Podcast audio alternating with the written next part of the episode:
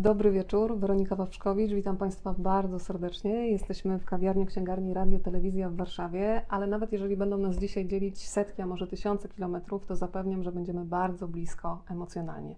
Noc Księgarni, wyjątkowa inicjatywa po raz drugi w Polsce. W tym roku ponad 100 wyjątkowych miejsc bierze udział w tym przedsięwzięciu. I to jest spotkanie piszących i czytających, i myślę, że właśnie na tym styku, na tej wymianie energii piszących i czytających rodzi się magia książek. A dzisiaj wyjątkowy gość razem ze mną. Ja nie ukrywam, że od rana czekam na to spotkanie. E, wstałam rano i pomyślałam, jadę do pana Marka. I myślę, że będę tak naprawdę wyrazicielką wielu osób, które są po drugiej stronie, że to jest nasz ukochany pan Marek. Więc panie Marku, dobry wieczór. Witam bardzo serdecznie. Tak mi mów, wiesz, dlatego że to się może za chwilę zmienić, także no, póki jeszcze się nie zmieniło, to niech tak będzie. To ja przytoczę słowa Kuby Badacha, The Golden Voice z piosenki Leonarda Cohena, czyli głos Boga po prostu dzisiaj razem z nami. Tak, Kuba mi to zrobił kiedyś, a ponieważ y, bardzo go lubię, no to się nie, nie, nie obraziłem. Zresztą na co tutaj się obrażać? Mówię, mówiłem to już wielokrotnie, że e, Bozia dość, szczodrze mnie ob, ob, obdarowała tym głosem. Świętej pamięci Baśka Głuszczak, która była realizatorką li, listy przez wiele lat, to ona powiedziała, że masz dobre alikwoty w głosie, że to albo się to ma, albo się tego nie ma. I mikrofon jest. Y, wszystko wychwyci. To nie ma, nie da się oszukać. Jeśli wszystko jest dobrze tutaj i tutaj, to, to znaczy, że ten głos wychodzi dobrze. A pewnie ty, jako dziewczyna pracująca w radiu, też miałaś wielokrotnie takie rzeczy, że zapraszałaś kogoś, rozmawialiście na korytarzu, wszystko było dobrze, a potem wchodziłaś i słyszałeś, że on źle mówi po polsku. Przerośnięty migdałek. Prze tak, y, świszcze, y, wszystko wychodzi w tym, w tym, tym. Mikrofon jest bezlitosny. Bezlitosny, tak. Ja powiedziałam panu na dzień dobry szczerze, że się trochę stresuję, ale potem sobie w ramach samouspokojenia powiedziałam, na litość boską, przecież zawsze, kiedy włączałaś radio, to głos pana Marka wprowadzał w twojej głowie spokój, więc tak będzie i tym razem, mam nadzieję.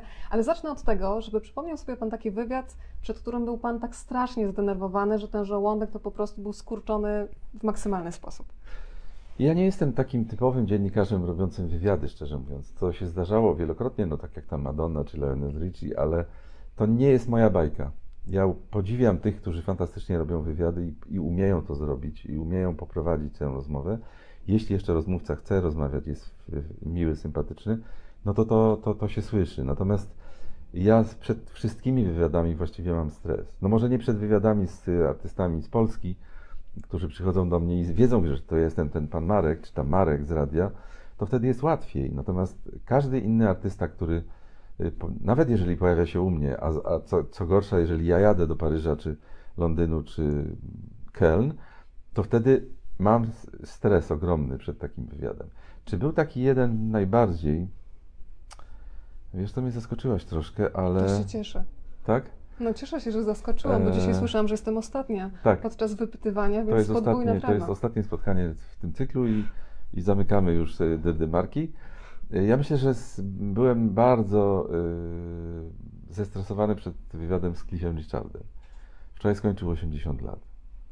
E, to było w Katowicach, w katowickim spotku i to było po koncercie i takich rzeczy nie wolno robić. Te wszystkie moje wywiady, które robiłem po koncercie, były nieudane, dlatego że artysta nie jest po to, żeby po koncercie jeszcze udzielać wywiadu, tylko chce iść, wziąć prysznic, zjeść coś, napić się ewentualnie drinka, Byłem kiedyś na koncercie Michaela McDonalda w e, Kopenhadze. Cudowny koncert, fantastyczny. Taki więcej niż klubowy, bo to była taka, ale to też nie stadionowy. To była taka sala, było pełno ludzi, wszyscy pięknie pachnieli, no bo to był zachód wtedy, to, to było 20 parę mhm. lat temu, a może nawet 30. E, to dla mnie to było coś tak nie, nie, niewiarygodnego, że wszyscy przyszli tacy uśmiechnięci, chcieli uczestniczyć w, w czymś wyjątkowym. I co się stało po koncercie? Po koncercie zeszliśmy z kolegą e, na drinka do baru i obok siedział Michael McDonald i można było podejść do niego i porozmawiać. No, nie odważyłem się, bo nie jestem aż taki odważny, ale zdjęcie sobie zrobiłem z Michaelem McDonaldem wtedy. Natomiast ten Cliff Richard nieudany kompletnie, nie wiem po co. I jeszcze spóźniłem się na autobus odjeżdżający do Warszawy i musiałem pociągiem nocnym jechać y, całą noc i o 6 rano byłem w Warszawie i z dworca y, centralnego do Pagartu, czyli do Teatru y, Wielkiego, musiałem iść piechotą, bo to były takie czasy 89 albo 8 rok, kiedy taksówki nie stały na dworcu centralnym. Także będę pamiętał ten wywiad do końca życia. Dzisiaj podsycamy apetyt na dyrdy marki. Ja zapewniam, że dyrdy marki smakują wyśmienicie. Zastanawiałam się, panie Marku, bo wszyscy, kiedy o panu mówią, to w zasadzie jest w domyśle nasz kochany pan Marek. I zastanawiam się, czy pan ma jakiegoś ukochanego słuchacza. Bo ja z własnego doświadczenia wiem, że nawet czasami nie widząc się z kimś, nie patrząc komuś w oczy, poprzez korespondencję można nawiązać niezwykłą więź, więc zastanawiam się, czy jest taki ukochany słuchacz, który przez lata był z panem i naprawdę czujecie, że coś magicznego się wytworzyło. To ja mam takich słuchaczy bardzo dużo. Ja właściwie rozpoznaję ich po y, imieniu, nazwisku czy, czy, czy adresie y, internetowym, no bo to, to teraz jest, ale miałem też takich słuchaczy i słuchaczki oczywiście y, w czasach, kiedy pisało się listy. No to było niezwykłe, dlatego że właściwie ja po kopercie rozpoznawałem, że to jest list od pani Ewy i że tam znowu będzie dużo różnych takich ciekawych spostrzeżeń. To teraz tak mam ze słuchaczami, ze słuchaczkami i słuchaczami internetowo, że teraz uruchomiłem adres na swojej stronie internetowej, kiedy już nie pracuję w radiu. I to jest niesamowite, bo ci ludzie się tam odnajdują i piszą do mnie ciągle. I ja korzystam wielokrotnie z podpowiedzi. Y, Panie Marku, jest nowa piosenka Stevie'ego Wondera, Bach już jej słucham. Czy też jest taki słuchacz Robert, który w Dydymarkach jest y, Cały Świat Niedźwiedzia, to on, ja nie wiem jak to można znaleźć, ile ja byłem razy w Australii, y, we wszystkich innych krajach i tam są daty, to ja nawet tego nie kronikarz pamiętam. Marka Taki kronikarz, tak, tak, tak. Są tacy ludzie, którzy, których to fascynuje. Mam taką stałą słuchaczkę, która y, zwraca mi uwagę, że na liście pomyliłem się o ilość tygodni, że nie 6, tylko 5 tygodni jest piosenka. No bo ja tego robię i idę dalej. Tak, także to, to jest bardzo fajne, bo to są tacy słuchacze, którzy, na których zawsze mogę liczyć. Yy, mam taką panią doktor Jolę, która poleca mi co na gardło i na ten słynne zapalenie krtani. To jest miłe, to, to, to, to jest bardzo sympatyczne. Mam też takich słuchaczy, którzy piszą do mnie, już powinieneś iść na emeryturę, no ale no muszę też takie rzeczy też się zdarzają. Zresztą jestem na emeryturze, więc to się udało zrealizować. No ale były też takie słuchaczki, które zostawiały wiadomość, że przyjeżdżają i trzeba czekać na dworcu je odebrać. No niestety tak. Przez te 40 lat pracy zdarzały się takie sytuacje. Nigdy nie umiałem sobie z tym radzić. I zawsze byłem słabo z asertywnością, więc zamiast powiedzieć nie, to ja jeszcze tam starałem się a to zaprosić ją na kawę, a potem ona mówi, a to musisz mnie teraz odwieźć bo ja do, wracam do Łowicza. Ja wsiadaliśmy do Malucha i jechaliśmy e, na, na rogatki w Warszawie, żeby ona mogła złapać jakiegoś stopa do Łowicza. To jest normalne? To nie jest normalne. Bo to, że tam ktoś napisał czeka i na mnie na dworcu 23.15 przyjeżdżam, to przez to, że, że zacząłem czytać wiersze też niepotrzebnie, bo nie wiem, czy to jest w tej książce. Ale jest w książce Halina mówię, Poświatowska. Ale mówiłem to wielokrotnie, że nie wolno się zbliżać na intymną odległość ze słuchaczem, bo potem się mogą zdarzać takie rzeczy. To powiedzmy, jak wyglądało to czytanie przed y, mikrofonem. Ja o tym, że głos może być bardzo intensywną obecnością, przekonałam się najbardziej dwa razy. Raz w księgarni, skoro dziś jesteśmy w księgarni, pan powiedział, pani Weronika, tak, a my się znamy. I ja szybko myślę, skąd? On mówi, przepraszam, ja z panią cztery lata do pracy jeżdżę w samochodzie, więc to było piękne. A drugi był bardzo wzruszający. Pan Marek zresztą, nomen omen, już nie żyjący, gdzie dostałam maila od jego partnerki, że uznałam, że powinna Pani wiedzieć, że on zmarł, bo była Pani ważną częścią naszej codzienności. I to mi uświadomiło, że głos, że w pewnym momencie Pan się staje domownikiem, tak, jest nawet bliższy tak. niż e, osoba obok. Ja dostaję teraz bardzo dużo takich sygnałów, że mm, nie mamy przyjaciół e, od 40 lat i, i żeby oni ciągle byli naszymi przyjaciółmi, a Pan tak. jest z nami od 40 lat, więc traktujemy Pana jako przyjaciela, czy też kogoś z rodziny. Pan nas odwiedza w, każdą, w każdy piątek, w każdą sobotę, czwartek, kiedy tam byłem na antenie. I to są właściwie najbardziej takie najsympatyczniejsze. A jakieś prezenty nietypowe? Pamiętam kiedyś do Radia Pin już nieistniejącego przyszedł pan z chomikiem dla mojej koleżanki i ona go musiała zabrać do domu, a tydzień przy... później przyszedł z drugim chomikiem i zarobił się już problem. To ja przejdę zaraz do tych prezentów, ale jeszcze y, dwa słowa na temat tej poświatowskiej. To się tak. wzięło z miłości do y, recytowania wierszy. W szkole średniej byłem recytatorem, nawet kiedyś w Koszalinie na ogólnopolskim y, konkursie dostałem wyróżnienie. Już nie mówię, że zdobywałem nagrody i w Sieradzu, i w Łodzi, czyli w, Utytułowany laureat. Uta, utytułowany laureat, więc wzięło się to stąd, a właściwie to się wzięło jeszcze ze szkoły podstawowej, gdzie wydawało mi się, że takie wychodzenie na estradę, czy też na jakąś imprezę, którą zapowiadałem, pozwoli mi się uporać z nieśmiałością, bo byłem bardzo nieśmiałym młodym człowiekiem. No i to chyba rzeczywiście się udało, dlatego że teraz już nie jestem taki nieśmiały, ale y, czytanie wierszy Poświatowskiej zachęcało mnie do tego to, że to była godzina 23. Do drugiej miałem czas, 3 godziny, nie było wiadomości, nie było reklam, nie było nic, tylko byłem ja i Poświatowska i muzyka. To jak monodram prawie. Coś takiego. To właśnie y, y, aktorka, u której byłem, Beata Kawka. Beata Kawka, ona mi to właśnie rozmowy. powiedziała, Mhm. że to jest coś w rodzaju monodramu, bo ja wieszałem ten zegarek, który pięknie cykał i to było takie intymne.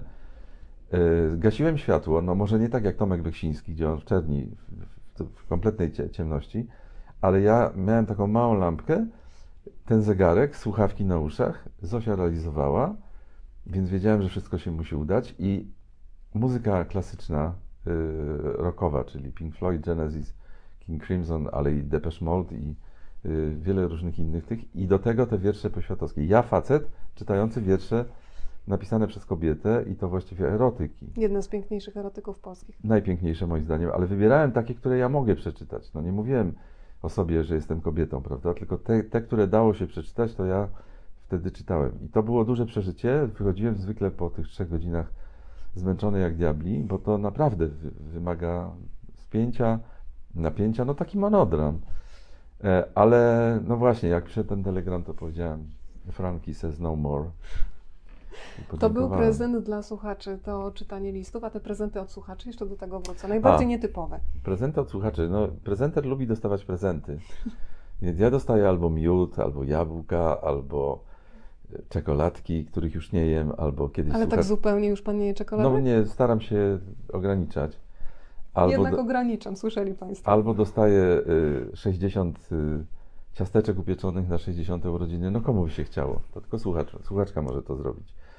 Y, Więc dostaję takie typ, tego typu prezenty. Y, Jest, ponieważ byłem w, kilka lat temu y, w Chorwacji i się zachwyciłem taką wędliną, która się nazywa kulen. Bardzo smaczna. I powiedziałem na tym na, o, o tym na antenie, albo napisałem na blogu. I teraz słuchacz, który jeździ do Chorwacji, przyjeżdża do Warszawy, do, do, z Częstochowy jest, Mhm. przyjeżdża do, do Polski i mi wysyła ten kulen. Drodzy Państwo, kulem już proszę zamawiać, niech już będzie w drodze po naszej transmisji. Powiedziałam do Państwa i od razu mówię, że mam telefon, tak żeby być cały czas z Państwem w kontakcie i przekazywać e, pytania do Marka Niedźwieckiego. Skoro mam telefon w ręce, to muszę powiedzieć, że przed chwilą z Panem Markiem sprawdziliśmy, ile dzisiaj było kroków, bo z książki Dyrdy Marki się Państwo dowiedzą, że Pan jest piechurem. To zanim powiemy ile kroków, to powiedzmy, co powiedział fizjoterapeuta, dlaczego Pan biegać nie może, bo to porównanie było tak barwne, że trzeba się nim podzielić. Tak, fizjoterapeuta, ja powiedzia- powiedziałem podczas y, jakiej, jakiejś sesji tam właśnie masowania, że ja biegam 6 km w Lesie Kabackim. Tak sobie wyznaczyłem te 6 km i że tam kilka razy w tygodniu staram się tam być i biegać. A on powiedział, panie Marku, nie może pan biegać, bo jest pan za wysoki, ma, jest pan tak zbudowany, niech pan sobie wyobrazi, że komin biegnie. To wszystko się potem porusza i nie wolno. W związku z tym ja od tamtej pory, a jeszcze bardziej od tej pory, kiedy e, poszedłem biegać, samochód stał e, na parkingu i usłyszałem taki trzask i obejrzałem się i widziałem, że ktoś mi moje tablice zabiera.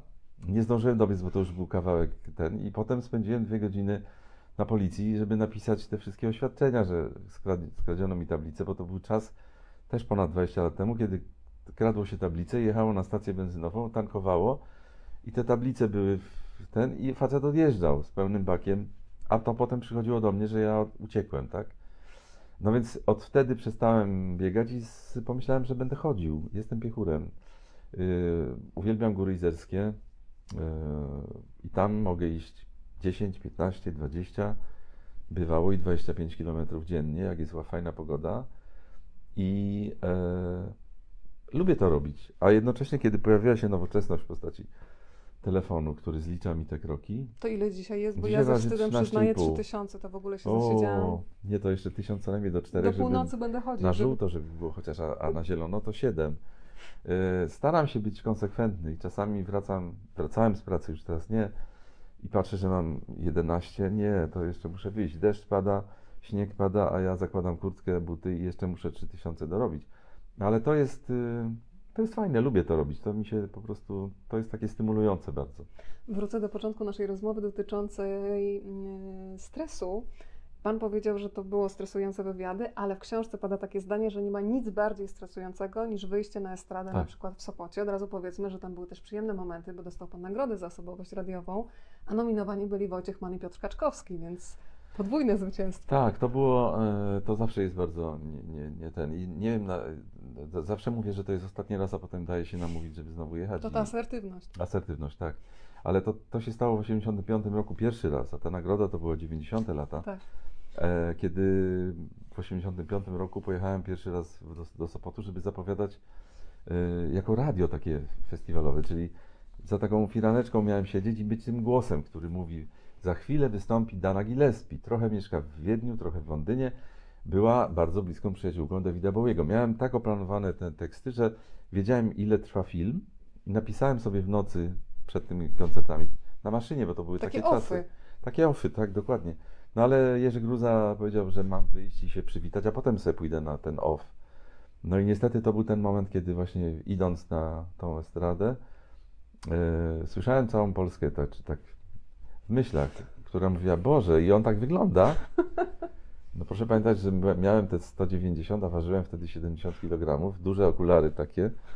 No pokracznie to musiało dosyć wyglądać. Panie Marku, ale jak się na Pana patrzy, to jest imponujący mężczyzna. Ja pamiętam kolegę mojego cudownego Janusza Zadurę, lektora, który jest dużo niższy, powiem delikatnie, ale Janusz ma dystans do siebie i powiedział kiedyś, że był w sklepie i Pani się tak odwróciła, bo usłyszała jego głos. głęboki głos, po czym spojrzała, a to Pan. I to musiało być przerażające, ale powiedzmy, że przy tym wejściu na scenę pojawiły się też problemy, w co się ubrać, bo Pan nie był przygotowany na wyjście i podobno były buty aż pożyczane. Tak, bo ja powiedziałem panu Jerzemu, pan, pan Jerzy, ale ja nie jestem przygotowany, ja jestem w białych tenisówkach, mam dżinsy i mam kolek- z kolekcji Barbary Hoff kupioną białą marynarkę, wziąłem ją, a nóż się przyda na jakimś Ja dzisiaj w białej marynarce. Coś takiego, tak. I on powiedział, dobra, to buty pożyczy ci inspicjent, bo widzę, że masz taki samy no, ten, ten numer, y, Buta. ten buta, a spodnie pożyczy, pożyczymy ci z y, teatru muzycznego w Gdyni. Tam są panie, które ci do, te, te spodnie przyniosą. I ja rzeczywiście w tych spodniach opuszczonych tak nisko jak się dało, bo były za krótkie i w tych butach, butach pożyczonych to teraz jest w ogóle nie, niemożliwe. Y, I w tej białej marynarce. No i właśnie Dana Gillespie, z którą się zaprzyjaźniłem, powiedziała, wyglądałeś jak kelner w Miami albo dentysta w Wiedniu. I potem się przekonałem, że dentysta w Wiedniu tak wygląda, bo mój kolega, który przeniósł się z Opola do Wiednia, a ja wracając z Australii robiłem sobie u niego wizytę, bo przez Wiedeń wracałem. Mhm. I patrzę, on jest w, w białym Jak garniturze. Niedźwiecki. Jak Niedźwiecki w, w Sopocie w 85 roku. To ja jeszcze, skoro jak niedźwiecki, to stwierdziłam, że powinien powstać nowy związek frazologiczny na stałe włączony do polskiego y, słownika, który brzmiałby być, jak, być rozmownym jak niedźwiecki po liście. Liście. Powiedzmy, kiedy to po, powiedzenie w ogóle powstało, kto jest jego autorem? Alina Dragan, moja przyjaciółka wieloletnia, która była też korespondentką na liście i to było w tych czasach, kiedy ona była tą korespondentką. Po 21 łączyliśmy się z Amsterdamem i Alina opowiadała tam, co słychać. I ja wracałem po 22, zmęczony przez cały dzień i to była sobota albo piątek, no bo tak była lista. I naprawdę mi się nie chciało, a ona do mnie dzwoniła z Amsterdamu, żeby pogadać, jak było, jak ta korespondencja wygląda. No i właśnie w którymś raz ja, ja odpowiadałem tak, nie, mm, tak, nie. A ja napisałem, jesteś rozmowny jak niedźwiecki po liście przeboju. No i to już zostało, no tak. To Alina wymyśliła. To jeszcze poproszę o wytłumaczenie takiego autoportretu, który się tutaj narysował, został narysowany słowami w książce Dyrdy Marki. Napisał Pan o sobie, że jest czasami gumbą i fafułą. Tak. To możemy rozwinąć? Gumba i fafuła, tak intuicyjnie można sobie to jakoś wyobrazić, ale bym poprosiła autora. Gumba to jest takie określenie, powiedzmy, afrykańskie, ale Mhm. te, tego używają moi znajomi w Hobart na Tasmanii. Ty gumbo, jak się mówi do kogoś, na, jak ktoś źle jedzie na drodze, to mówią, co za gumba jedzie. No i to gumba mi się spodobało, więc to ja jestem ta gumba. A Możemy fafuła- polecić wielu polskim kierowcom, Tak, będzie łagodniej i milej. Tak, tak, tak. Nie używać brzydkich wyrazów, tylko Gumba. gumba. A fafuła, no to jest taka, to, to chodzi o tę asertywność, myślę głównie, że mówię nie, nie, nie, nie, nie, wchodzę i mówię tak. Doskonale to znam. Myślę, że klub fafułów moglibyśmy założyć. To teraz zaglądam do książki, a w zasadzie ją wącham, bo ta książka jest przepełniona zapachami, bo tam są pachnące kanadyjskie płyty. Jest pachnący eukaliptusowy olejek, jest też rosół grzybowy. I zastanawiałam się, Panie Marku, gdyby zadać Panu pytanie, z czym się Panu kojarzy radio jako takie. Ja zawsze siedząc za mikrofonem Żałowałam, że czasami na przykład emitując falę oceanu, gdzieś przenosząc ludzi kilkaset kilometrów dalej, nie mogłam dołączyć tego zapachu. A samo radio, samo studio radiowe jakoś pachnie w Pana głowie? Tak, zwłaszcza to stare radio, to dawne radio, którego doświadczałem jeszcze w latach, końcówce lat 70., kiedy przyjeżdżałem tutaj z Łodzi, e, najpierw ze studiów z Politechniki, ze Studenckiego Radia Żak, a potem z Łódzkiej Rozgłośni Polskiego Radia, żeby odwiedzić kolegów tutaj w Warszawie, to tutaj te studia pachniały dla mnie no, historią. To był taki, to jest taki zapach, jaki pamiętam z dzieciństwa w bibliotece, tak. czy w takim kinie małym, które y, kinorolnik się zresztą nazywało w Szatku, no to jak się tam wchodziło, to, tam pachniało. To nie był przykry y, zapach, czyli to nie był smród, tylko to pachniało. Mhm. Bo moja koleżanka mówi, że nie wolno mówić, o jak tu brzydko pachnie. Pachnie tylko ładnie.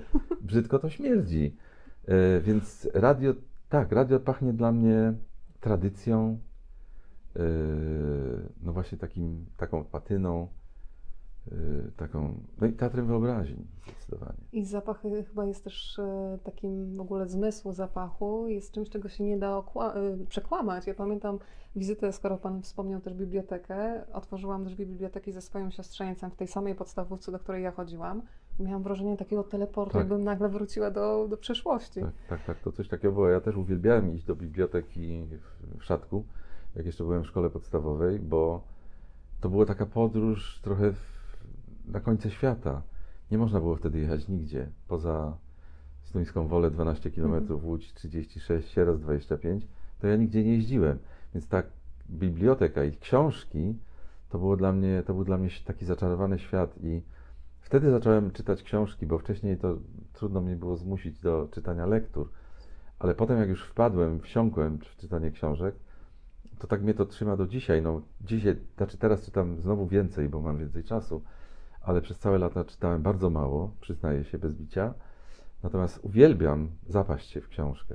Po prostu, żeby ona mnie złapała i nie puszczała. I wtedy to jest nieważne, że chce mi się spać, muszę dokończyć ją, a bywały takie wyjazdy na Korsykę czy gdzieś na wakacje tu w, w Europie, że brałem książkę i widziałem, że mi się kończy, więc wyznaczałem sobie, że dziennie tylko 30 stron mogę przeczytać. Pamiętam, że Jerzy Pilch mówił o tych książkach, takich grubych grubaskach, że to są książki, które dają człowiekowi poczucie bezpieczeństwa, bo wystarczą na dłużej. Tak, to prawda. Ale skoro mówimy o książkach, to muszę zapytać o taką książkę Małego Niedźwiadka, ukochaną i dzisiaj Dojrzałego Niedźwiedzia. Ukochana książka, bez której sobie Pan nie wyobraża życia. Najpierw te fascynacje dziecięce, bo dla mnie w ogóle książka jest tak, jak taki najbardziej intymny seans w głowie, że słowa uruchamiają obrazy. Coś takiego było? To znaczy ja, nie, tak jak mówię, na początku y, nie byłem, moja siostra pochłaniała książki, natomiast mnie do czytania zagonić było bardzo ciężko, więc nie, nie mam takich ulubionych dzieci z Bullerbyn albo czegoś takiego. Nie mam. Tytuł Złomek i Atomek, bo tam były obrazki i też trzeba było czytać, ale więcej było obrazków.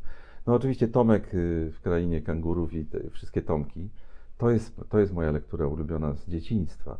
Potem, jak już za, zacząłem być trochę bardziej e, dorosły, no to trylogia, którą mogłem czytać, tak jak mówił pan Sułek, no, pani Iza mówiła, no przecież to, panie Sułku, już pan to czytał, no ale już zapomniałem, jak to na początku było, więc czytam jeszcze raz.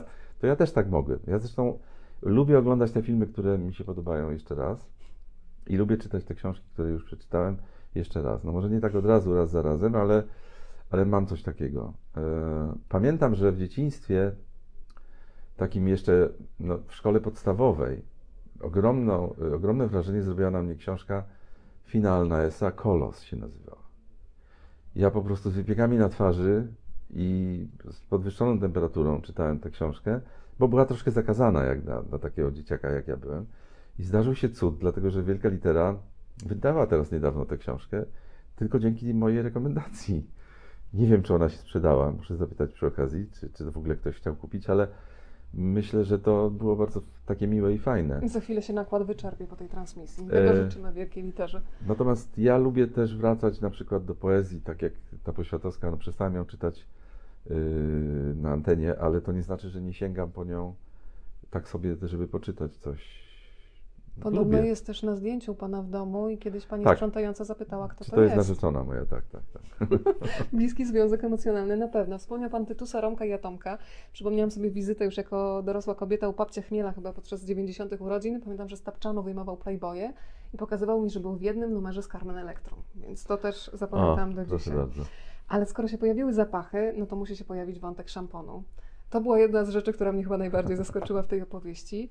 Powiedzmy, o jaki szampon chodzi i co to było za zbieractwo, No i to znowu Marku? będzie reklama. Szampon Timotej. Beata Kawka powiedziała, że ona była głosem tego szamponu, ale to teraz już w latach 80., Tak. 90. Natomiast ja zacząłem kolekcjonować to jeszcze w latach 70., kiedy pewnie pierwszy raz pojechałem do Holandii. Yy, Stamtąd się przywoziło i ze Szwecji, i z, z Norwegii. Ze Skandynawii przywoziło się mydło zielone jabłuszko, a ja przywoziłem szampon Timotej. I z tymi napisami, na przykład z, Ta- z Tajlandii też przywiozłem, z Singapuru. No i niestety muszę przyznać, że na, takiej, na takim biureczku, na takim, na takim właśnie, w takiej szafce zbierałem te opakowania po tym szamponie Timotej. Ale ja dzisiaj wyrzuciłem- sprawdzałam, cały czas istnieje. I się zastanawiam, czy gdyby się pojawiła propozycja, żeby pan został włosem, a nie głosem Timotei, to co?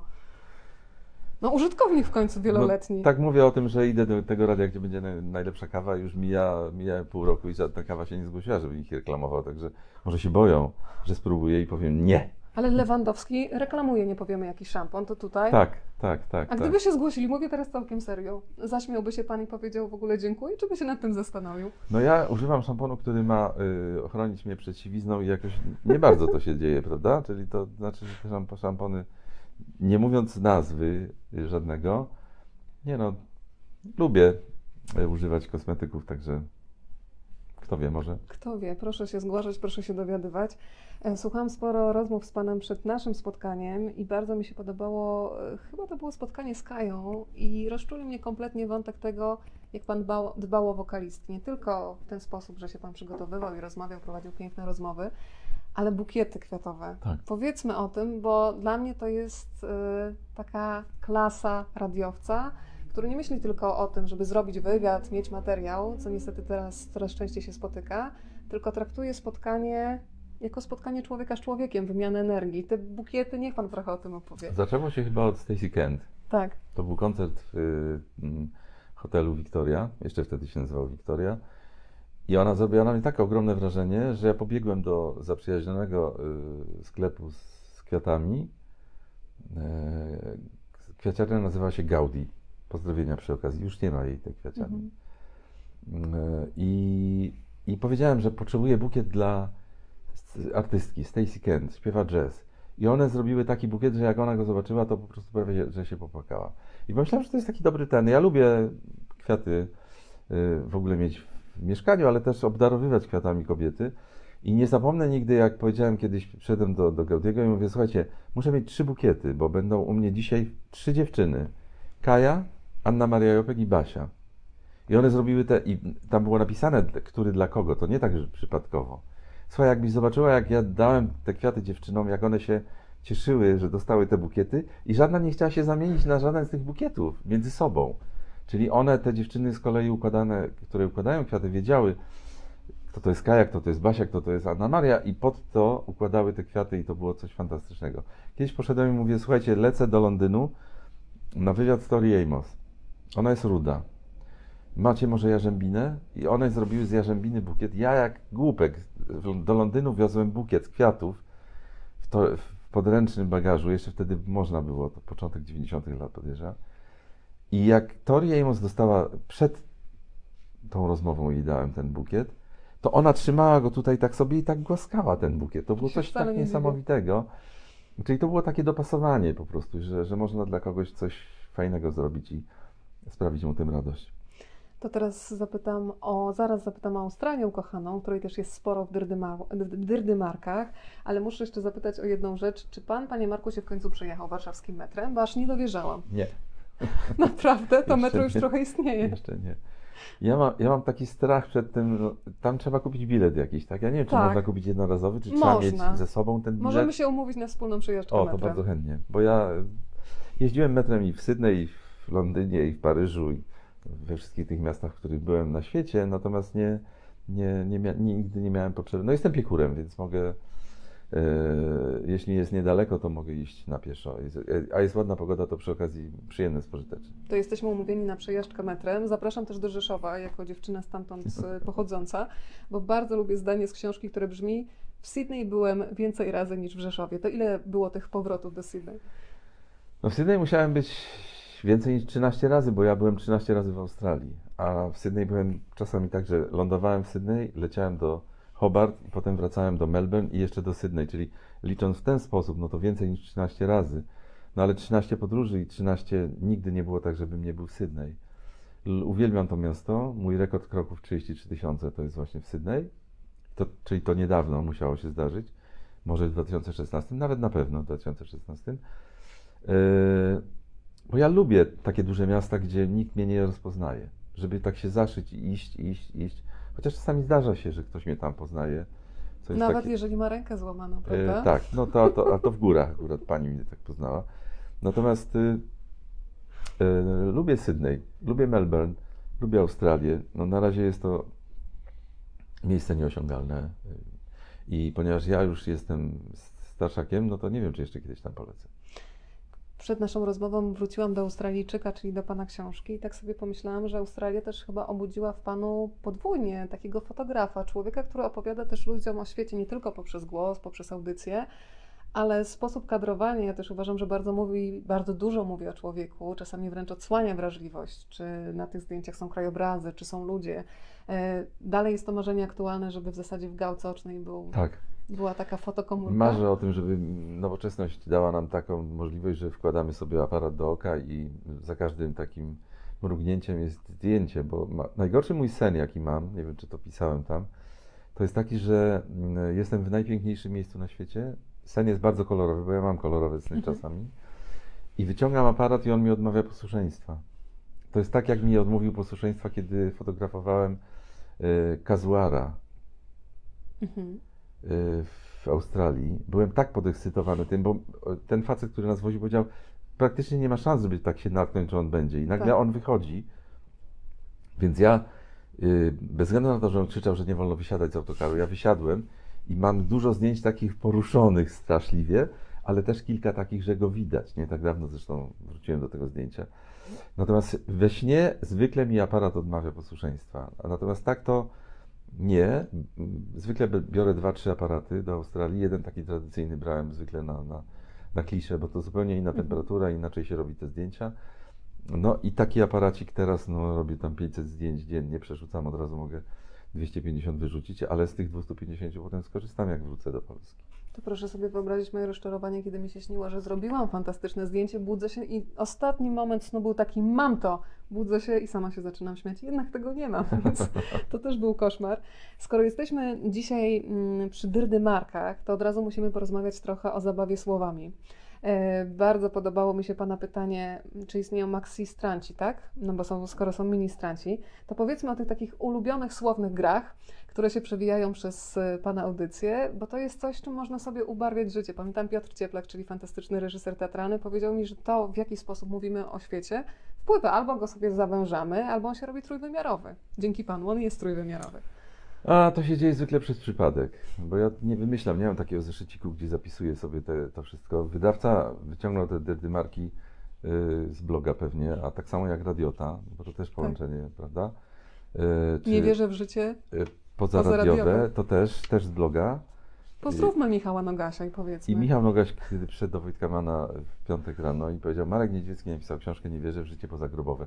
No bo to z tego się wzięło, no ale to dla mnie to pozaradiowe... Mm, e, teraz nawet myślałem, czy nie napisać drugi, następnej książki, jednak muszę uwierzyć w życie pozaradiowe, ale kto wie, może jeszcze trochę w radiu będę się pojawiał. To się dzieje zwykle przez przypadek. No to, że powiedziałem kiedyś za 19 milionów 20, to dlatego, że mi się przejęzyczyło, ale ponieważ uznałem, że to jest tak fajne, to zacząłem tego używać. Nie wolno nadużywać, ale raz na kilka tygodni mówiłem to, te 9 milionów. Te, pamiętam w latach 80., mm, e, kiedy były wyra, wyroby czekoladopodobne, e, okropne zresztą, to w ogóle nie do zjedzenia, no to wymyśliliśmy kiedyś na liście takie hasło, wymy- wymyślmy jak powinna się nazywać ten wyrób czekolady. No bo wyrób czekoladopodobny jeszcze w szarym papierze to jest okropne. I nazwa i wszystko. No to jakoś musimy to ocieplić. No, jakby, mógł się nazy- jakby mogła się nazywać czekolada, taki ten wyrób czekoladopodobny. No i wygrała wtedy chyba byle jada. Piękne. Byle jadą się można zajadać. I ja przy, schowałam sobie do kieszeni do mojego wewnętrznego słownika określenie mojego mm, kolegi Włocha, który nie jest w stanie powiedzieć peleryna czy pelerynka Tak. i skonstruował słowo pelirynka. I ja uważam, że ona ma milion więcej razy Tak. wdzięku. E, Pan też wspominał o swoich znajomych z Holandii, którzy Tak. też nie są w stanie zrozumieć niektórych Niektórych polskich rzeczy. słów. Tak, Jakich? tak, tak. No, y, Sesko to jest y, partner Aliny. On po prostu odkrywa coraz to nowe rzeczy. Na przykład mówi, ale co to znaczy półprawdy? Bo my czasami mówimy Tak. takie rzeczy, które dla nas są albo, ja napisałem kiedyś w, w jakimś ferytonie albo rybka, albo pipka. Ale on mówi, ale co to znaczy? I on właśnie myślał, że uwaga piesi to znaczy, że psy, no bo pies piesi, Liczba prawda? w nogę. Tak. I on mówi jajko, jajki. Dlatego ja też używam słowa jajki zamiast jajka. Tak jak on zapytał kiedyś, no ale o co chodzi? Ręcznik, podręcznik. My nie zwracamy na to uwagi. Tak jak te półprawdy, czy, czy takie, takie powiedzenia, czasami ludowe, a czasami jakieś takie. No to my, dla nas jest to zrozumiałe, albo rybka, albo piwka. Natomiast on nie wie o co chodzi. Y, I, i ktoś, kto się uczy tego języka, no nigdy takich rzeczy pewnie nie zrozumie. Więc dlatego kiedyś ja to, tu, to, to akurat chyba pisałem, że zazdrościłem Brytyjczykom, jak mają wielo, wi- wieloznaczność w tych, tych. Czytałem New Musical Express i Melody Maker i tak mnie bawiło to, jak oni się bawią tym. E, A Time to Love Stevie'ego Wondera. Tak. E, zegarek, Mhm. dwa, serce. A Time to Love. No u nas nie da się tego tak y, zrobić. E, Ale potem się okazało, że nasz język też jest bardzo wieloznaczny i że można takimi rzeczami się też bawić, więc zacząłem tego używać. Bardzo bliskie mi jest, mi jest to, co Pan napisał, że radio jest dlatego tak nieuchwytne, ma w sobie taką magię, bo nigdy nie wiadomo, co się wydarzy za 5 minut. Podobnie jest przy okazji spotkań autorskich. Zaraz Państwu oddam głos, więc pojawią się pytania, które na pewno zmienią też e, tor naszej rozmowy. E, Jeszcze muszę zapytać o jedną rzecz, bo dzisiaj i słuchacze, którzy są po drugiej stronie, czują spokój, Pani Marko. A mnie zawsze zastanawiało, jak często jest tak, że człowiek ma w sobie rozedrganie, i czuje jednak radość, że w tym swoim rozedrganiu może dać innym spokój. Miewał tak Pan, że gdzieś wewnętrznie była burza, ale była taka koncentracja przed mikrofonem i rodzaj jednak jakiejś misji, że jestem tutaj po to, żeby kogoś wprowadzić w kompletnie inny świat, że w tym rozedrganiu można było dać komuś spokój. Nigdy nie miałem tremy przed radiem. To znaczy, oczywiście mam, mam tremę, jak to, jest, jak to jest audycja wyjazdowa gdzieś w Szklarskiej Porębie, czy w Sopocie, czy w Sydney, no to oczywiście odchorowuję i też mam ból brzucha przed, przed wejściem, bo mi się wydaje, że to się nie może udać, e, że to tak nie wyjdzie. I potem nagle wychodzę, zaczynam mówić i widzę, że ludzie się kupują to, akceptują mnie. To wtedy już mija to wszystko, tak jak Ty powiedziałeś, że miałeś problem z tym, że się dzisiaj ze mną spotykasz. Teraz już tego problemu nie ma, bo rozmawiamy i to wszystko jest normalne, naturalne. Y, To jest cudowny mm, zawód, taki, y, mieć taki zawód radiowiec. No, czasami można się na czymś tam przejechać, jak na skórce banana, ale no trudno, to wkalkulowane. Y, Ale ja to uwielbiam robić i mnie to bawi cały czas. I ja nigdy nie, y, nie mówię, a to dzisiaj na 70% zrobię. Ja robię każdą audycję na 100%, że ona nie wyjdzie na 100%, no to to już jest. Czasami jest tak, że pierwsza piosenka ma znaczenie. Nie wiem jak ty, ale ja to tak mam, że właściwie ja to też o tym mówiłem, pisałem, że ja mm, tak jak układałem swoją audycję godzinną, to ja wiedziałem tylko pierwsza piosenka, jaka będzie zagrana. A cała reszta to było 15 dysków w takim czarnym pojemniczku i ja potem wskakiwałem na te fale i dopasowywałem następne utwory do tego, co mi podpowiadało. Ja nie mam tak, że ja mam napisane scenariusz i według te, tego scenariusza lista jest inna, inna, no bo ja dostaję wydruk i muszę zrobić coś na tej podstawie, natomiast y, wszystkie audycje autorskie to jest fantastyczna zabawa. Układanie muzyki. E, czasami realizator mówi, ale słuchaj, to tak ułożyłeś, że, że nawet w tonacji pasuje i że te... A przecież ja tego nie, nie pod tym kątem, tylko to jest pewnie to ucho takie radiowe, że niektóre rzeczy mi pasują jedne ze sobą, a, a, a inne nie będą pasowały nigdy. Poza tym ja zawsze w audycjach swoich gram tylko, prezentuję tylko te y, utwory, które ja lubię. Ja nie mam takiego, poza listą, no bo, Nie jestem masochistą. no tak, bo to, to twój ból jest mniejszy niż mój. No zdarzyło się pierwsze miejsce i ja nie miałem na to wpływu żadnego, że to tak było, natomiast moje autorskie audycje to są tylko moje ulubione piosenki. Ktoś mnie zapytał, dlaczego pan tak rzadko sięga po ciężkie brzmienia albo reggae, bo nie przepadam za reggae i ciężkie brzmienia też mnie nie interesują. Jest tak mało czasu, żeby tę muzykę zaprezentować, moim zdaniem, że szkoda y, takie, brać takie półśrodki. Trzeba brać tylko najlepsze rzeczy. To porozmawiajmy jeszcze o Marku Niedźwieckim jako o ojcu chrzestnym. Z jednej strony jako ojcu chrzestnym Marka Sierockiego, to jeden wątek, a Mhm. drugi dowiedziałam się niedawno, że w sumie dzięki panu doszło do duetu Kai i Cezarii Jawory. Sama o tym Kaja opowiadała, więc to jest chyba tak, niezwykłe. tak. To Kaja mi ciągle przypomina, jest mi bardzo wdzięczna, bo to tak było to kiedyś tak, że Kaja przyszła e, na, na jedną z moich audycji i ja wtedy nosiłem znacznie więcej płyt niż 15. To była taka radiowalizka przebojów, czyli tych płyt było tam pię- 50 powiedzmy i one, tak leżały na stole i Kaja usiadła po, no, po przeciwnej stronie i patrzy, że leży płyta. Ja mówię, kto to jest? Ja mówię, ty nie znasz? No to weź tę płytę do, do, do domu, a potem mi oddasz. To jest Cezaria Jawora, na pewno Ci się będzie podobała. No i tylko dlatego stało, stało się tak, że ona doprowadziła do tego, że nagrała ten piękny utwór yy, i właśnie opowiadała to podczas naszego spotkania. Yy, No i że zawsze będzie mi wdzięczna, że ja po prostu ją skierowałem właśnie na ten dokładnie tor. Natomiast Sierota, Marek Sierocki, tak wszyscy mówią na niego Sierota. Bardzo wdzięczny pseudonim. Tak, sierota yy, w Teleekspresie. To znaczy Andrzej Turski powiedział, odchodząc z trójki, a zakładając właśnie Teleekspres w telewizji, powiedział, to ty będziesz takim muzycznym takim elementem. Ja powiedziałem, nie panie Andrzeju, bo ja robię listę w trójce, ja nie mam czasu, ale mam takiego kolegę, Marek Sierocki, na pewno będzie się nadawał. Sierota był wtedy bardzo szczupłym mężczyzną, e, chło- chłopakiem. No i minęło 30 lat i on to, to cały czas robi. Także jestem ojcem chrzestnym tego pomysłu i kolegujemy się z Markiem przez te wszystkie lata. Bardzo Ale zabawne jest to, że niektórzy panów mylą. Mylą nas, tak. I nawet mówią, że proszę nas nie oszukiwać, że oni wiedzą, że pan to jest pan tak, Marek to się Sierocki. zdarzyło w Londynie. Byliśmy na koncercie Madonny i w Tower Records kupowaliśmy płyty. On te swoje ulubione, ja te swoje, jazzy jakieś. Pamiętam, że pierwszy raz wtedy kupiłem płytę y, y, tego, mm, Boże, jak on się nazywa? Zaraz mi się przypomni. Y, Jamie Kalama. Y, nie wiedziałem w ogóle, że ktoś taki jest i nagle jest jego płyta. Kupiłem, bo ja płytę kupuję intuicyjnie. Teraz już nie kupuję płyt, przepraszam, ale kupowałem intuicyjnie. Okładka mi się podobała, wytwórnia wiedziałem, że jest niezła, producent może David Foster. No dlaczego kupiłem pierwszą płytę Michaela Bublé? Bo Foster ją produkował. Byłem w Kanadzie i on jeszcze nie był znany. E, No i właśnie wyszliśmy z tego Tower Records, już nie ma tej sieci mm, sklepów.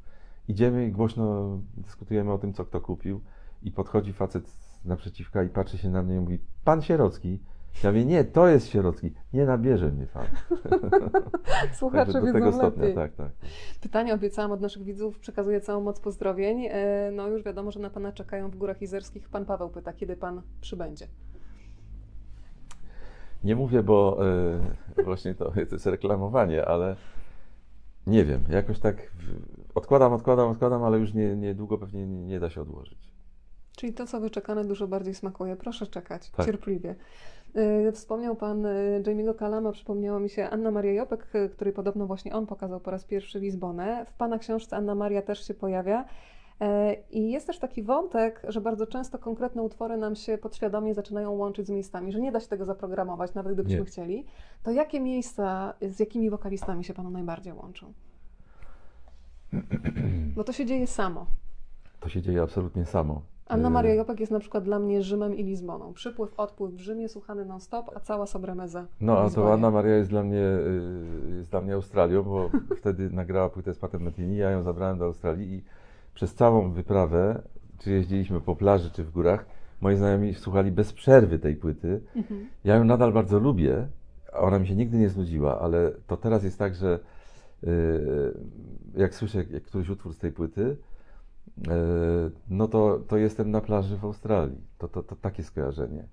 Y, Zaczęło się to chyba od tego, znaczy nie da się tego właśnie zrobić. Ja czasami jestem gdzieś i nucę piosenkę, żeby mi się ona skojarzyła, ale to nie na tym polega. To polega na tym, że wchodzę do, w Singapurze do kawiarni, jest gorąco jak diabli, bo tam jest 40 stopni, ja wchodzę do kawiarni, jest klimatyzowana, 84 rok. Y, Siadam i w tym momencie y, słyszę James Taylor śpiewa You've Got a Friend. I to już zawsze tak będzie. Nie ma innej możliwości. Jestem w Australii, jedziemy na oglądać Górę Czerwoną i Y, Facet mówi, no zabieram wino, jakieś przegryzki, ale ponieważ tam będziemy to oglądać, to włączę wam jakieś radio. I leci zespół Blackwater, y, y, Doobie Brothers, Blackwater. I od tej pory już zawsze to będzie Blackwater, Doobie Brothers. Przecież to nie jest australijska grupa, ani nie mam... Te... Także to się dzieje przypadkowo i... Ale to fajnie, bo to takie rzeczy potem y, pamiętam. Zakodowuje się bardzo Tak. mocno. Zapytam jeszcze o język angielski. Y, Wczoraj słuchałam wywiadu z panią emerytką, która podróżuje i pokazuje, że nawet z kiepską znajomością języka angielskiego można podróżować i powiedziała cudowne zdanie, bo wie pani, ten mój angielski jest bardziej mój niż angielski. Ja się pod tym podpisuję. Kiedy, panie Marku, pan y, stwierdził, że jednak ten angielski już jest angielski, a nie jest bardziej mój? I David Boyer zaczął być Davidem tak, Bowie. y, tak, to było chyba w 76 roku, kiedy po raz pierwszy miałem okazję pojechać na zachód, tak się mówiło. Czyli poleciałem do Amsterdamu na zaproszenie mojej koleżanki Bepi. Wprawdzie do Tilburga, ale do Amsterdamu się leciało i potem trzeba było wykupić y, bilet i jechać dalej. I to był ten pierwszy moment, kiedy wysiadłem z y, samolotu. No to oczywiście stoi autokar, który wiezie nas do, na, na stację. No, to sta, sta, station było napisane, więc wiedziałem, że to jest na stację PKP, znaczy kolejową, nie PKP, kolejową. E, ale potem trzeba było podejść do, mm, do okienka i kupić bilet do Tilburga. E, I, I wtedy podszedłem i zapytałem, can I have a ticket to Tilburg? On mnie zapytał, stop train or Intercity? Wydawało mi się, że stop train będzie tańszy, więc Mhm. powiedziałem stop train. A cena była taka sama, ale on się zatrzymywał na wszystkich Wszędzie. stacjach. Y, ale to był ten moment i patrzę, że nikt się nie śmieje z tego. Zrozumiał, wie o co chodzi. Zrozumiał. Mój angielski jest też mój bardziej niż angielski. Ja przed każdą rozmową z artystą się stresuję bardzo i właściwie mogę rozmawiać głównie o muzyce, a nie o świecie, o polityce, o życiu. To raczej nie. Natomiast y, y, kiedy się złapałem na tym, że to już jest bardziej angielski, kiedy na przykład jestem w Stanach i oglądam filmy i nie przeszkadza mi to, że nie ma lektora. Że ja to rozumiem. I to się dzieje samo. I to się dzieje samo. I nie wszystko rozumiem, bo niektóre filmy są tak trudne, mają tak trudny. Ale, no ale staram się mniej więcej tak kojarzyć. Pamiętam, że w Chicago poszedłem na film. E, ten taki, co trzeba mieć te okulary było. Jak on się nazywa? Tak, Camerona. Ojej, nie wiem.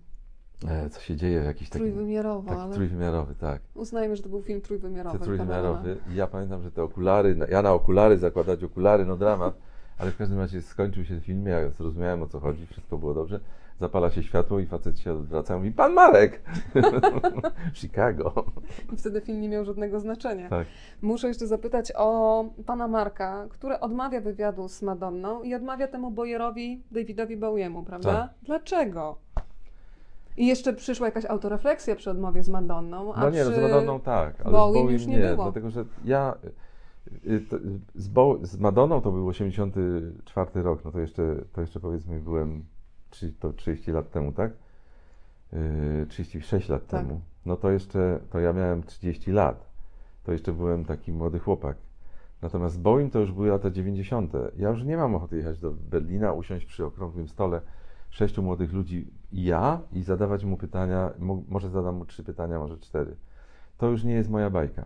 Jeżeli przyjeżdża Pat Metheny, czy Stacey Kent, czy y, Susan Vega, czy Basia i przychodzi do mnie do studia, to wtedy ja jestem gospodarzem i mogę mieć te siwe włosy, bo ja jestem tutaj panem na, na tych Mhm. włościach. Natomiast to, żebym jechał rozmawiać z Taylor Swift, ja tam troszkę tak napisałem, ale ostatnia jej płyta jest genialna. Czyli Folklore. jednak to zostało wypowiedziane Tak, głośno i wyraźnie. folklor. Napisałem o tym zresztą na blogu. Część ludzi zapytała, jak to jest możliwe, przecież pan się tak wyśmiał. Ja nigdy się z niej nie wyśmiewałem, tylko że jak przeczytałem jej, y, y, o, o niej na, na, na, Mhm. na, w internecie, to okazało się, że nie Madonna, nie Barbara Streisand, nie e, Mariah Carey, nie Whitney Houston, tylko ona ma wszystkie rekordy w Stanach. Wszystkie Prawda. sprzedanych płyt, koncertów i tak dalej, No i to mi się jakoś kłóciło, no ale okazuje się, że jest bardzo zdolną dziewczyną i trzymam kciuki. Folklor, płyta, bardzo polecam. A David Bowie z czym przegrał? E, David Bowie przegrał ze, ze Szklarską. Byłem umówiony już tam na, na wyjazd, to było lato. No i wy, wy, wytypowałem kolegę Cichego, który pojechał i zrobił ten wywiad. cały. Teraz pomyślałam, że to by było świetne hasło reklamowe dla Szklarskiej Poręby. Pan jako ambasador zrezygnowałem z Bowiego Tak. Z dla nas. Bowiego na, na korzyść Szklarskiej, tak. Teraz otwieram książkę po to, żebyśmy dokonali teraz e, erraty albo przynajmniej aktualizacji, Panie Mhm. Marku, bo książka się zaczyna tak. Życie pozaradiowe. Gdyby to się stało 5 lat temu, to bym płakał. Teraz nie płaczę, nie jest mi dobrze, boli, uwiera, ale o radiu na razie przestałem myśleć. Nie tęsknię do niego. To się chyba zmieniło, bo pojawiła się informacja, Tak. radio 357, wszyscy są już w blokach startowych, myślę o słuchaczach, to jak to będzie? Ale proszę pamiętać, że ta książka Tak. była pisana tuż po tym, jak to się stało, więc miałem taką w sobie gorycz i, i, i do dzisiaj nie słucham żadnego radia. No chyba, że jadę samochodem, to słucham po prostu czegoś, żeby mi coś grało. Natomiast nie mam takiego odruchu włączania radia, nie mam potrzeby słuchania prezentera. No ale minęło pół roku i rzeczywiście, mm, na, że tak powiem, na zaproszenie moich kolegów dawnych, no nie mogłem zrobić nic innego, tylko z nimi się załapać na nowe radio, Radio 357, jeśli wszystko dobrze pójdzie. Zaczynamy 15 grudnia, czyli jeszcze w tym roku zdążę zagrać piosenki z dzwoneczkami. Nie zagrałem September Morn Nila Diamonda, nie zagrałem October Road Jamesa Taylora, nie zagram November Rain, ale kto wie, może zagram piosenki z dzwoneczkami. A ile razy można składać złamane skrzydła? No właśnie, to będzie pierwsza piosenka, którą zagram, zaprezentuję. To nieładne słowo, przepraszam, w rozmowie czasami takie się przemykają. Zaprezentuję e, w swojej pierwszej audycji, jeżeli taka będzie, Broken Wings, Mr. Mister. Ile razy można złamać, y, składać złamane skrzydła? No, ja już to robię któryś raz, więc mm, pewnie można. Składa swoje jeszcze u skrzydła innych. To tak działa. O, może tak. Panie będzie. Marku, a nazwa audycji już jest gotowa? Czy możemy Nie. tutaj y, uruchomić słuchaczy, którzy by Nie, nie chcę wracać do tego, co było. fantazję? Nie będzie to, to nic z tych rzeczy. Nie będę też robił żadnej listy przebojów. E, natomiast może, może ta audycja nie musi mieć nazwy. No, to będzie coś w rodzaju dwugodzinnego czy trzygodzinnego spotkania. Pewnie wrócę do nazwy sałatka włosko-francuska, do Radia Kalifornia, do tych rzeczy, do których przyzwyczaiłem słuchaczy w tych, tych. Może, jeśli będę robił audycję do południa, może pojawi się Love is Blue Paula Moriata jako piosenka, czy też temat z filmu mm, ten Port Miło, Miłosny, znaczy lotniczy. Mhm. Zmieniłem to na Port Miłosny. Yy, ale nie mam takich tych. To, to dla mnie nie ma znaczenia. Nie wiem, czy ktoś zwrócił na to w ogóle uwagę, że ja podczas pracy w, w Trójce nie miałem właściwie żadnych audycji ze sygnałami. No był Frutti di Marek, czy tam premiery Ibisy, ale to było w 80 latach. Natomiast Markomania nigdy nie miała sygnału. Jest zawsze Outback Oasis. Yy, Dave, yy, Dona Gruzina, który, który je, jest takim, takim no, motywem przewodnim, ale ta audycja, mimo że nazywała się Markomania, nie miała takiego tytułu i nie miała takiego sygnału. Panie Marku, pani Kasia pisze, y, dziękuję przede wszystkim panu za zapoznanie z muzyką Szymona Bożystowskiego. To przez niego zainstalowałam sobie Spotify. Bardzo dziękuję, pozdrawia też razem z synem y, i tutaj całe laboraty są do pana. Mój syn też bardzo lubi, siedmioletni słuchacz. Kolejne pytanie z kompletnie innej y, bajki. Panie Marku, czy oprócz robienia kroków ma pan słabość do innej dyscypliny sportowej? To jeszcze powiem o Szymonie, bo to jest niesamowita historia. Ja dostałem tę płytę od jego ojca, e, tę pierwszą, e, na której była piosenka Golden, którą często graliśmy w Trójce. E, I potem, będąc w Australii w 2016 roku, poznałem tych rodziców. I oni przyjechali do, bo oni mieszkają w Newcastle, to jest tam ileś kilometrów od Sydney. Przyjechali, spotkaliśmy się przy operze, no bo to było mi najłatwiej wyznaczyć. Spotkajmy się w Opera Bar, no bo to będzie takie miejsce, gdzie wszyscy wiedzą, gdzie to jest. Bardzo mili ludzie i zresztą mam z nimi kontakt też na Facebooku do dzisiaj.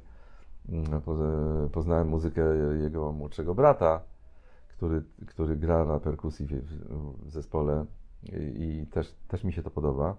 Więc to jeśli chodzi o Szymona. Natomiast czy jeszcze mam jakieś e, sportowe ten? Nie, no już teraz nie. Kiedyś byłem tym, łyżwiarzem figurowym. Tulupy były skakane? Nie, no to oczywiście taki zmyślam. Po prostu jak wylewała ja rzeka, jak wylewała rzeka y, na zimę, a zima trwa 4 miesiące, to było parę kilometrów do, do jeżdżenia na łyżwach. No teraz tak nie, nie ma takich sytuacji. No to się jeździło na tych łyżwach. A Marek Niedźwiecki jest kibicem, skoro sam tak z tego, do sportu z dystansem, ale jako kibic Jestem zaangażowany? kibicem takim niedzielnym, bym powiedział, jeśli chodzi o lekką atletykę, tak. Y, No ale kibicowałem Idze oczywiście, Świątek teraz bardzo, ale w tych trudnych momentach na chwilę zmieniałem stację y, telewizyjną, bo to są za duże dla mnie emocje. Jak ona zaczyna tam trochę gorzej, to ja zmieniałem i za trzy minuty wracałem, patrzyłem, jest nieźle. I mam takie czasami sytuacje, że zmieniam stację albo wychodzę zrobić sobie herbaty, żeby za dużo się nie, e, nie, nie emocjonować. Nie oglądam piłki nożnej prawie nigdy, Mhm. chyba że są to Mistrzostwa Świata czy, czy jakaś duża impreza.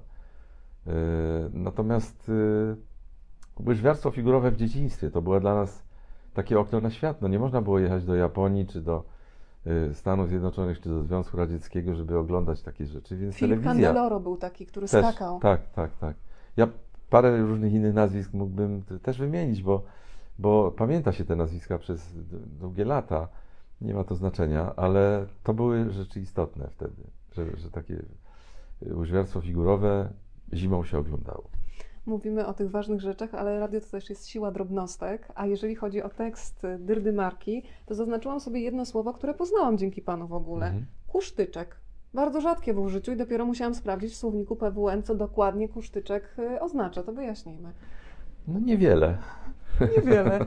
Ale w słowniku jest też napisane, że to jest kieliszeczek. I od razu może tak alkoholowo No kojarzy. tak, to może być kusztyczek, tak. no, no, no. Ale to może być też odrobina czegoś, no. A kusztyczka używał też Lionel Richie, jak pan myśli? Nie, nie, nie, nie. Lionel, który, który, tak, już mówiliśmy o tym, Madonnie nie zawiozą kwiatów, tylko wódkę. Lionelowi też nie zawiozą kwiatów, tylko, tylko wódkę i, i on używał tego i to do, w dalekiej Kalifornii. Ja nie sądziłem, że on w ogóle zabierze tę butelkę. No, no a okazało się, że moja podpowiedź, że to dobrze idzie z sokiem jabłkowym, zadziałała i mówi, piliśmy twoje zdrowie. marekniedźwiecki.pl. Dzisiaj będzie kolejny wpis na blogu. Od ilu już lat, panie Marku? Y, 13. 13. Wczoraj minęło 13 lat. Wszystkiego 14 dobrego. Ta października. konsekwencja jest fantastyczna. Niesamowite, tak. Ja nie sądziłem, że dotr- dotrwam do, nie wiem, to myślałem, że to jest taka, taka potrzeba chwili, a potem już nie. A nie wiem, o której wrócę do domu. Na pewno nie będzie tego wpisu o 19.54, bo, bo już minęła. Ostatnie pytanie od naszych widzów. Wyobraźmy sobie, że ma Pan okazję przeprowadzić teraz wywiad z dowolnym artystą lub artystką. Jakie to będzie nazwisko? Pod warunkiem, że ten ktoś przyjedzie do Pana, to już ustaliliśmy. E, kto by to mógł być? Myślę, że chętnie bym porozmawiał z Pascalem Obispo, ale nie wiem, czy on zna angielski, bo to francuski piosenkarz. A z tłumaczem to nigdy nie wychodzi tak samo, Nie, prawda? nie, nie, nie, nie, nie, to nigdy nie wychodzi. Pamiętam, jak rozmawiałem przez telefon z Erosem Ramazzottim. On nie zna angielskiego, ja nie znam włoskiego i Agata tłumaczyła, moja koleżanka.